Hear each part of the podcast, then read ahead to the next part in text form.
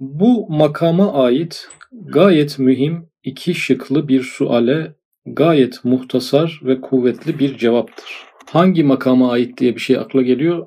Metnin üst taraflarına kalan bir paragrafı şu an okumam gerektiğini hissettim. Evet, nihayet derecede hüsün ve cemalleri bulunan Esma-i Hüsna'nın güzel cilveleriyle kainatın her bir nevi hatta her bir ferdi kabiliyetine göre öyle bir hüsne mazhar olmuşlar ki Hüccetül İslam İmamı Gazali demiş. Leyse fil imkani eyde'u mimme ken.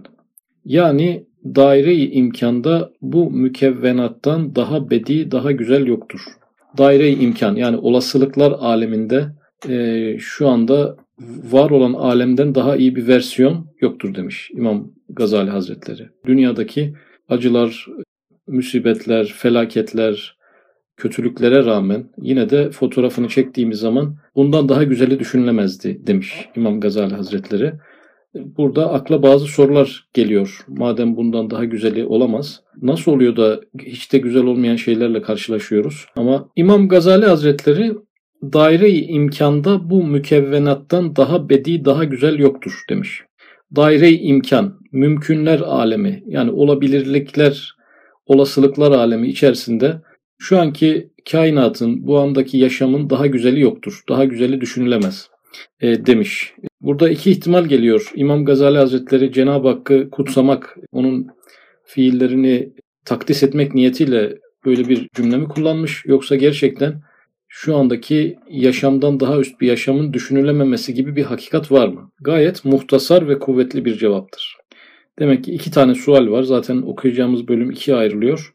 Özet bir cevap verilecek ama kuvvetli bir cevap olduğu söyleniyor. Sualin birinci şıkkı.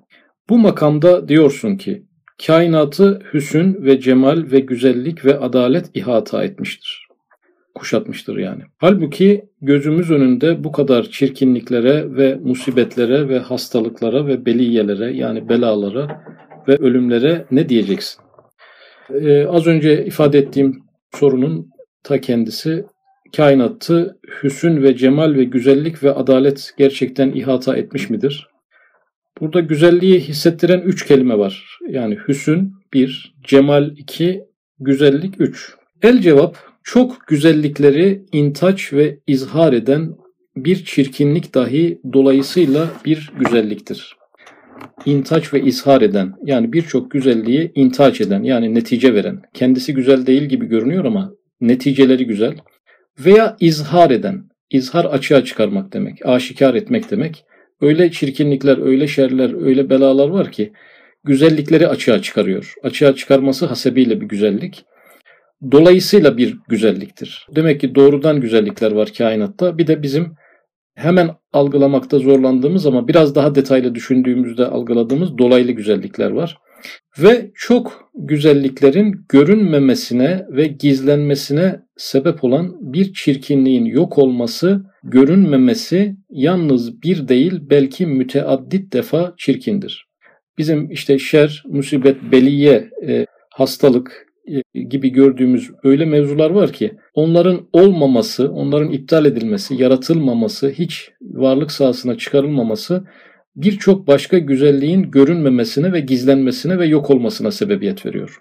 Yani bir çirkinliği ortadan kaldırınca binlerce güzellik de ortadan kalktığı için bu çirkinliklerin iptali müteaddit defa çirkindir. Daha büyük bir çirkinliktir. Mesela vahide kıyası gibi bir kubuh bulunmazsa, vahide kıyası gibi yani kıyas edebileceğimiz bir kubuh yani bir çirkinlik bulunmazsa hüsnün hakikati bir tek nevi olur pek çok mertebeleri gizli kalır ve kubhun tedahülü ile mertebeleri inkişaf eder.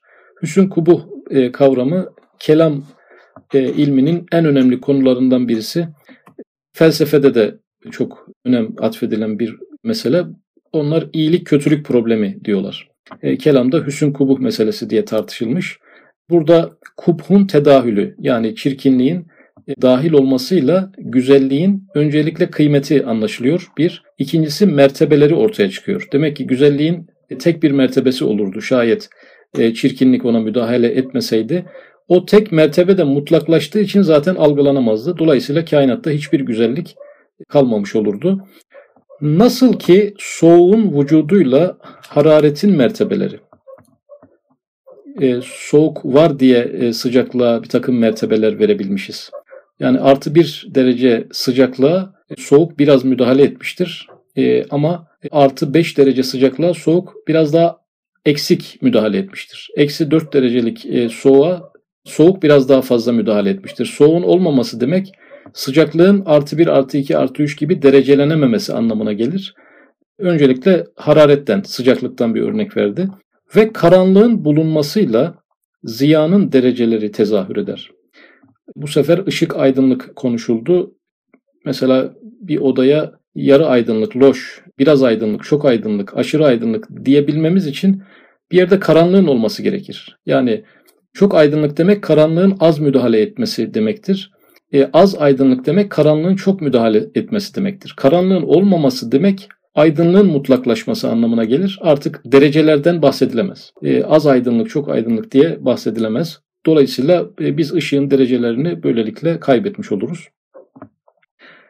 Aynen öyle de cüz'i şer ve zarar ve musibet ve çirkinliğin bulunmasıyla külli hayırlar ve külli menfaatler ve külli nimetler ve külli güzellikler tezahür eder. Demek ki e, musibetler ve çirkinlikler de e, hakiki ve büyük e, nimetlerin, güzelliklerin algılanmasını, e, varlıklarının kıymetlerinin bilinmesini ve derecelerinin anlaşılmasını sağlayan bir e, tarafları var. Burada Risale'nin yani bu paragrafın başında vahidi kıyası kelimesi geçmişti. Paragrafın başında bir vahidi kıyası kelimesi geçti. Bu 30. sözdeki vahidi kıyası konusuna benziyor. Demek ki kubuh, çirkinlik bir vahidi kıyası, güzelliğin anlaşılması için bir vahidi kıyası ama Ene Risalesi'nde hakikat anlaşıldıktan sonra kıyasi olan taraf sonradan hakikate dahil ediliyordu. Mesela insanın cüz'i bir ilmi var gibi görünüyor ama o külli ilme dahil ediliyor sonra. İnsanın cüz'i bir iradesi var gibi görünüyor fakat külli iradeye dahil.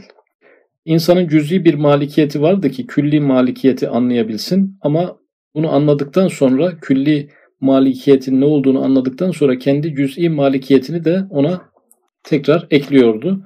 Buradaki bölümde de vahidi kıyasi kubu yani çirkinlik sonradan hakiki güzelliğe dahil edildiği için onun da cüz'i bir tarafı nihayetinde kalmıyordu. 30. söz Ene Risalesinde bir vahidi kıyası kavramı geçiyordu ama o enaniyetle ilgili geçiyordu. Bu evde benim diyebiliyordu. Kainatın Cenab-ı Hakk'a ait olduğunu anlamak için bir kıyas noktası olarak verilmişti. Sonra aslında ben de bu evde yine Cenab-ı Hakk'a aidim diyerek bütün külli olarak o malikiyeti, cüz'i malikiyeti, külli malikiyeti devrediyordu. Yani enenin hakikati buydu. Burada da kubuh karşımıza vahidi kıyası olarak çıktı. Yani çirkinlik, şer, kötülük gibi görünen mevzular var. Niye öyle görünüyorlar?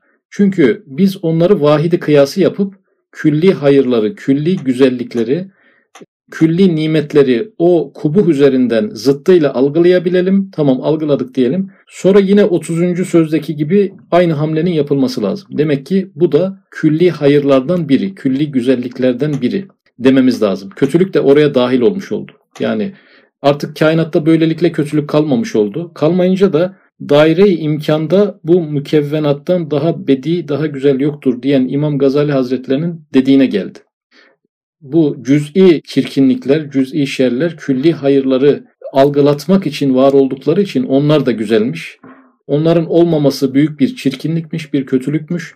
Dolayısıyla olasılıklar alemi içerisinde bundan daha iyi bir olasılık düşünülemez cümlesine tekrar gelmiş olduk. Demek çirkinin icadı çirkin değil güzeldir. Çünkü neticelerin çoğu güzeldir. Bu önce okuduğumuz risalelerden halkı şer şer değildir, kesbi şer şerdir cümlesine benziyor. Şerrin yaratılması bir şer değildir. Onun insan tarafından işlenmesi şerdir. Çünkü yaratıcıya bakan yönüyle hiçbir şeyin hayır ve şer ciheti yoktur. Her şey hayırdır. İnsana bir takım emir ve yasaklar geldiği için şerler ve hayırlar insan için geçerlidir. Dolayısıyla e, bir şeyi yaratmak, kötülüğü yaratmak kötülük değildir. Onu işlemek kötülüktür. Çünkü neticelerin çoğu güzeldir dedi hepsi güzeldir demedi. demek ki güzel olmayan neticeler var ama onlar da başka hikmetle, başka dolayısıyla e, güzellik olduğu için onları da yine aynı kümeye dahil etmekte bir mahsur yok. Evet, yağmurdan zarar gören tembel bir adam. Yağmura rahmet namını verdiren hayırlı neticelerini hükümden ıskat etmez. Rahmeti zahmete çeviremez. Şimdi adam yağmurdan zarar görüyor. Bu tembellik vasfı neyin nesi diye biraz düşünmek durumunda kaldım ben. Yani bu cümlede tembel adam ifadesi olmasaydı yine aynı anlamı veriyor neredeyse. Yani yağmurdan zarar gören bir adam yağmura rahmet değildir diyemez yani. Belki yanlış vakitte çıkmıştır, şemsiyesini almadan çıkmıştır, hazırlıksız çıkmıştır. E, o onunla alakalı bir problemdir. Sırf onun elbiseleri ıslanmasın diye kainatta milyonlarca, milyarlarca varlığın beklediği bir yağmur sırf o kişinin hatrı için iptal edilemez. E ama tembel bir adam diyor yani tembel bir adam. Yani bu adamın tembelliği herhalde meteorolojiye falan bakmadan çıkması gibi algılıyorum. Mevsime dikkat etmeden çıkması gibi algılıyorum yani. Rahmeti zahmete çeviremez. Ama fena ve zeval ve mevt ise yani burada tabi yağmur deyince genişletebiliriz doğal bir mesele olduğu için. Sel gibi düşünebiliriz. Yani dünyanın doğal gidişatı içerisinde seller var. Ama yanlış yerlere ev yapan, eksik malzemelerle iş yapan e, insanlara göre bu sel bir felaket oluyor. E, burada bu insanlar sel de bir rahmet değildir diyemez. Depremin dünyanın iç basıncını dengeleyen tarafları var. Ama yanlış yerlere yine yanlış malzemelerle ev yapan insanlar cihetiyle onlar bunu şerre çevirmiş olurlar. Bu büyük bir nimete onların hatırları sebebiyle şer denemez. E, dolayısıyla burada yağmur bu adamı ıslatmak için yağmıyor. Bunu bu cümleyi kullanmak gerekiyor. Yani bu yağmurun maksadı seni ıslatmak değil. E, depremden zarar gören insanlara da bu depremin maksadı sizi öldürmek değil. Selden zarar gören insanlara da bu selin yaratılış gayesi sizi öldürmek değil şeklinde bir cümle kurmak gerekir. Yani bu paragrafın altı şu an böyle görünüyor. Ama fena ve zeval ve mevt ise 24. mektupta gayet kuvvetli ve kat'i bürhanlarla ispat edilmiş ki şimdi bu yağmur, felaket, selli biraz daha büyük kavramlara geçirdi. Ölüm gibi. Çocuklar ölüyor, yaşlılar ölüyor. Ee, böyle yani insanlar toprağa gömülüyorlar. Daha farklı bir yere getirdi. Onlar umumi rahmete, ihatalı hüsne, şümürlü hayra münafi değiller. Yani engel değiller. Belki muktezalarıdırlar. Yani umumi rahmetin engel olmadığı gibi umumi rahmet de ölümün varlığını gerektirir. İhatalı hüsne bu ölüm engel olmadığı gibi aslında ihatalı hüsnün varlığı ölümü gerektirir. E, şümüllü hayır, e, ra, ölüm engel olmadığı gibi aynı zamanda şümüllü hayır kavramı varsa ölümün varlığını gerektirir. Cümleyi böyle okuyabiliriz. Neden? Çünkü fani hayattan baki hayata geçişi sağlayan şey ölümdür. Ölüm olmayınca da bu gerçekleşemez. Fani hayatta insan kalır. Hatta şeytanın dahi manevi terakkiyatı beşeriyenin zembereği olan müsabakaya ve mücahedeye sebep olduğundan o nev'in icadı dahi hayırdır. O cihette güzeldir. Yani şeytan gibi şeyler yaratılıyor. Onların yaratılma gayeleri neresi güzel? Şeytanın yaratılmasının nesi güzel e, diye bakıyoruz. Burada da insanın manevi terakkiyatının zembereği. Yani Cenab-ı Hak insanı yaratmış. Karşısına da onun tırmanabileceği sonsuz sayıda dereceler koymuş. İnsanın da bu derecelerdeki yerini almasını istiyor. İnsanın derecelenmesi için yani tabiri caizse ölçme ve değerlendirme yapılması için, seçme ve yerleştirme yapılması için bir müsabakaya ve mücahadeye ihtiyaç var. Bunun muhatabı da şeytan. Şeytan bu mücahade ve müsabakanın gerçekleşmesine sebebiyet verdiği için insanın kendi mertebesini bulabilmesi e, bu noktada şeytana borçlu olduğu değil de çünkü borçlu olmamız için şeytanın bunu bilerek yapmış olması lazım. Şeytanı yaratana borçlu olduğumuz bir güzel bir yaratım söz konusu. Hem hatta kafir küfür ile bütün kainatın hukukuna bir tecavüz ve şerefini tahkir ettiğinden ona cehennem azabı vermek güzeldir. Ee, bu ilk paragrafın son kelimesi adalet güzelliğinden bahsedilmişti. Herhalde o cümlenin açıklamasına gelmiş olduk.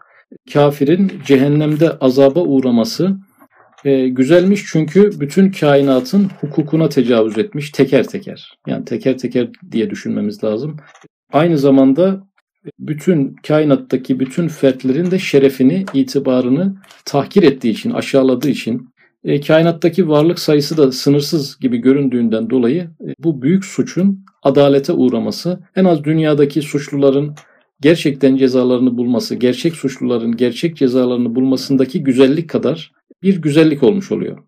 Kafirin küfrünün nasıl bir suç olduğunu algılayamayan insanlar bunu kavrayamayınca bu orantısız bir ceza gibi görebilirler. E, suç kavranamayınca, suçun etkileri iyi ölçülemeyince onun karşısında takdir edilen böyle cezalar abartılı gelebilir. Dolayısıyla Üstad Hazretleri küfrün nasıl bir büyük bir cinayet ve her varlığa karşı bir itibar suikasti olduğunu başka risalelerde geniş izah ettiği için burada muhtasar bir cevap demişti. Ayrıntılarına girmeyecek.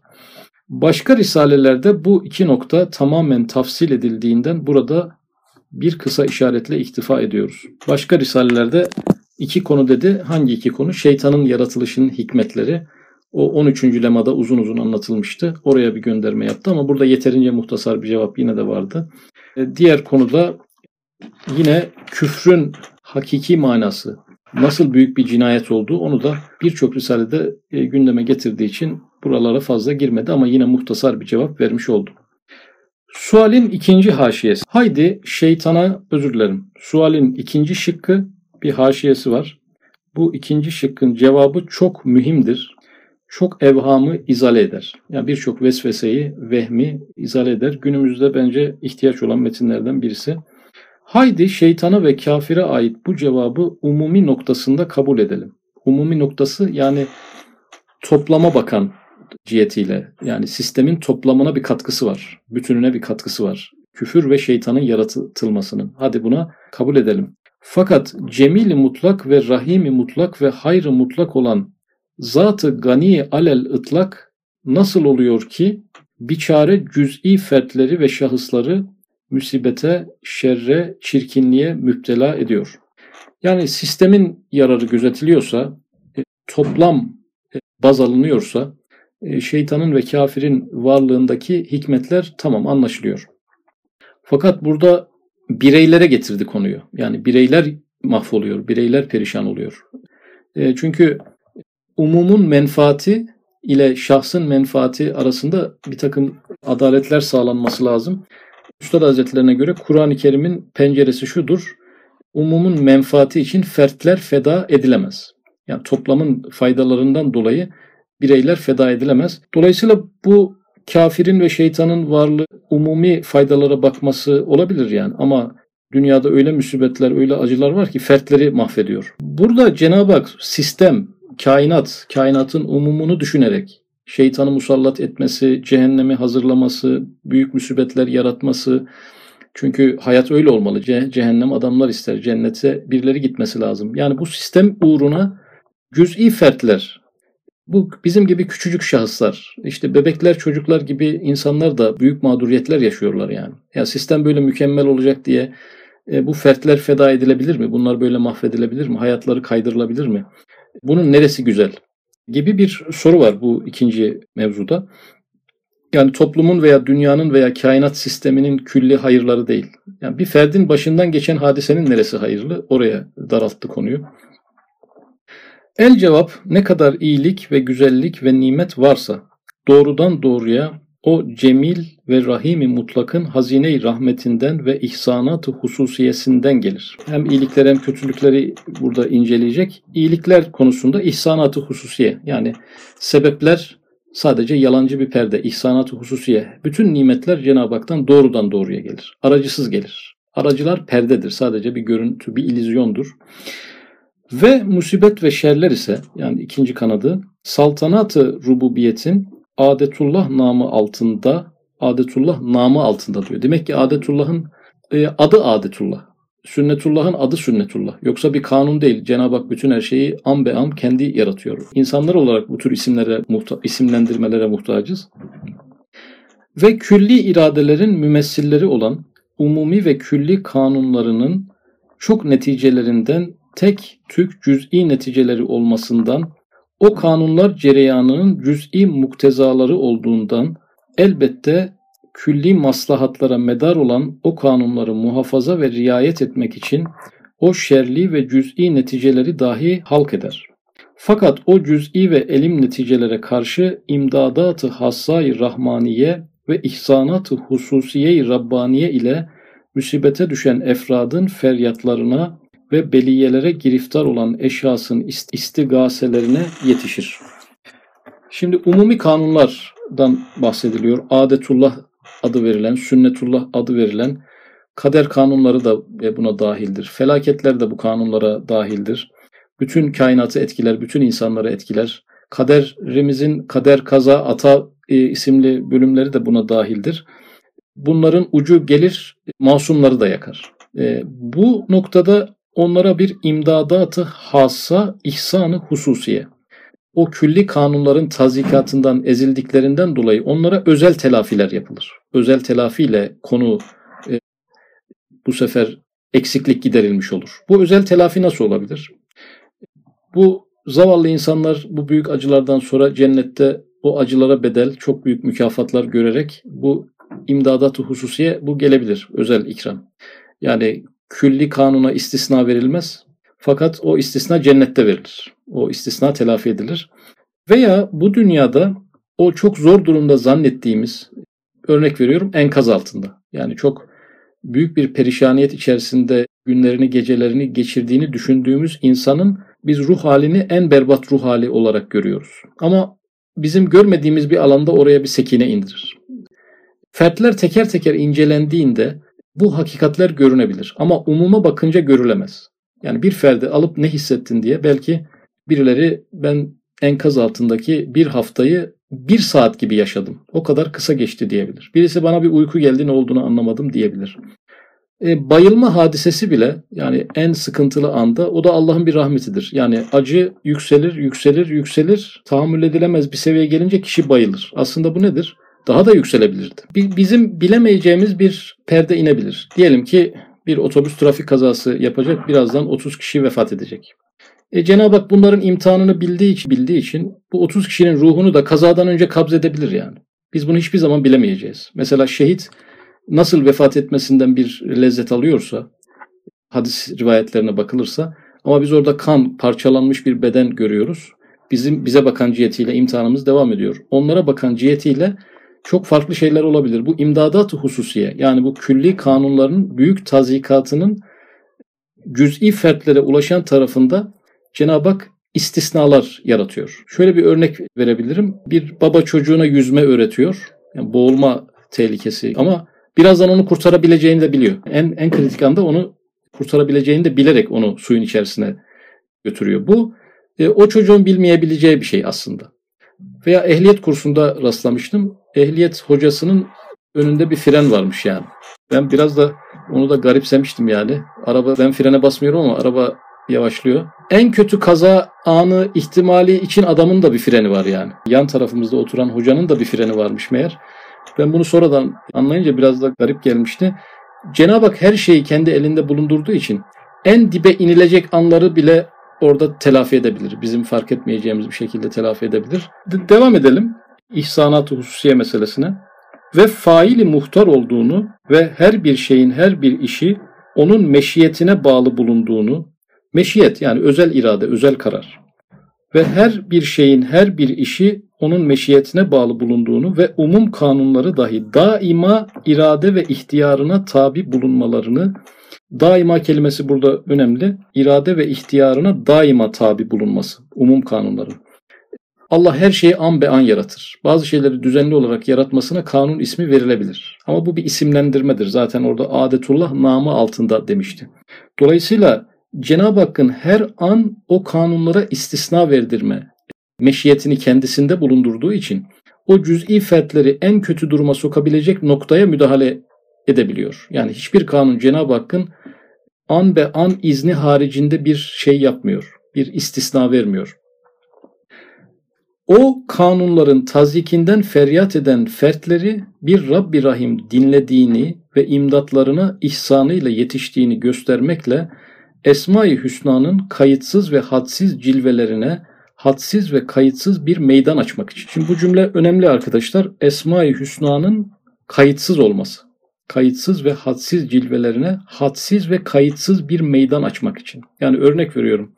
Cenab-ı Hakk'ın Kahhar ismi var, Cebbar ismi var, Seriül Hisap ismi var, Müntakim ismi var. Bunlar kayıt altına girmek istemiyorlar yani. Diyelim ki bir yeryüzünde bir felaketler kuşağına girildi. İnsanları istisna ederek kayıt altına girmek istemiyor. Yani bir bölgeye geliyor ki çocuklara dokunmuyor, yaşlılara dokunuyor veya e, zalimlere dokunuyor ama mazlumlara dokunmuyor bir müsibet. Böyle olmaz. Neden? Kayıt altına girmiş olur. Yani mazlumlar onu kayıtlamış olurlar bu dünyada. Esma-i ilahi kayıtsız bir meydana çıkmak için istisnasız etkinliğini yapar. Fakat o külli adetullah düsturlarının ve o umumi kanunların şüzuzatıyla, şüzuzatıyla kural dışılık.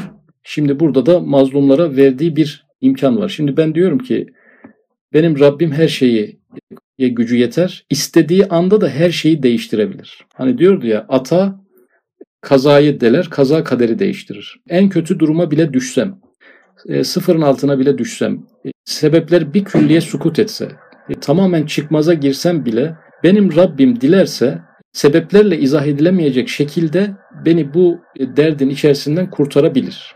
O zaman ne yapıyorum? Kendimi duaya veriyorum. Evrad eskara veriyorum. Cenab-ı Hakk'a yalvarışa veriyorum ve hepimiz kendi hayatımıza baktığımızda sebeplerle çözülemeyecek birçok meselemizin çözüldüğünü görürüz. Dolayısıyla e, Cenab-ı Hakk'ın e, tasarrufunda bir kainat ve dilediğini dilediği zaman değiştirebilmesi, kanunların Cenab-ı Hakk'ı ihata edememesi, kader kanunu da dahil olmak üzere hiçbir kanunun Cenab-ı Hakk'ı bir şeye mecbur bırakamaması.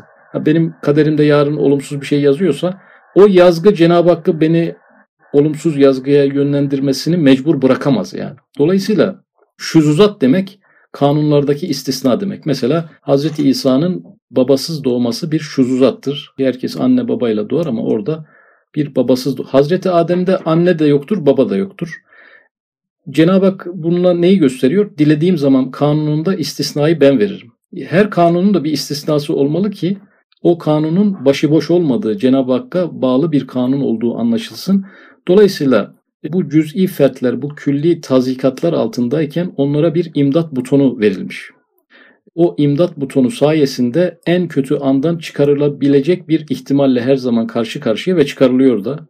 İşte bugünlerde birçok gazete, haber sitesi şöyle mucize, böyle mucize, 70 saat sonra gelen mucize gibi şeyler yayınlıyorlar. Cenab-ı Hak ne yapıyor? Şuzuzatıyla kanunlarında istisna vere vere, göstere göstere bazı müdahalelerde bulunup külli kanunların altında insanların e, şerre uğramalarını engel oluyor. Vefat edenleri de bir gün görüşme imkanımız olsa neler hissettiniz? Onlar da bir kimileri bir sinek ısırığı kadar, kimileri hiç zannettiğiniz gibi değil. Kimileri hiçbir şey hissetmedim. Uykuyu uyudum, sabah uyandım veya gündüz uyudum, akşam bir baktım başka bir alemdeyim diyebilecek birçok rahmetle karşılaşacağız. Ama imtihan dünyası olması hasebiyle bu perdeler insana kapalı.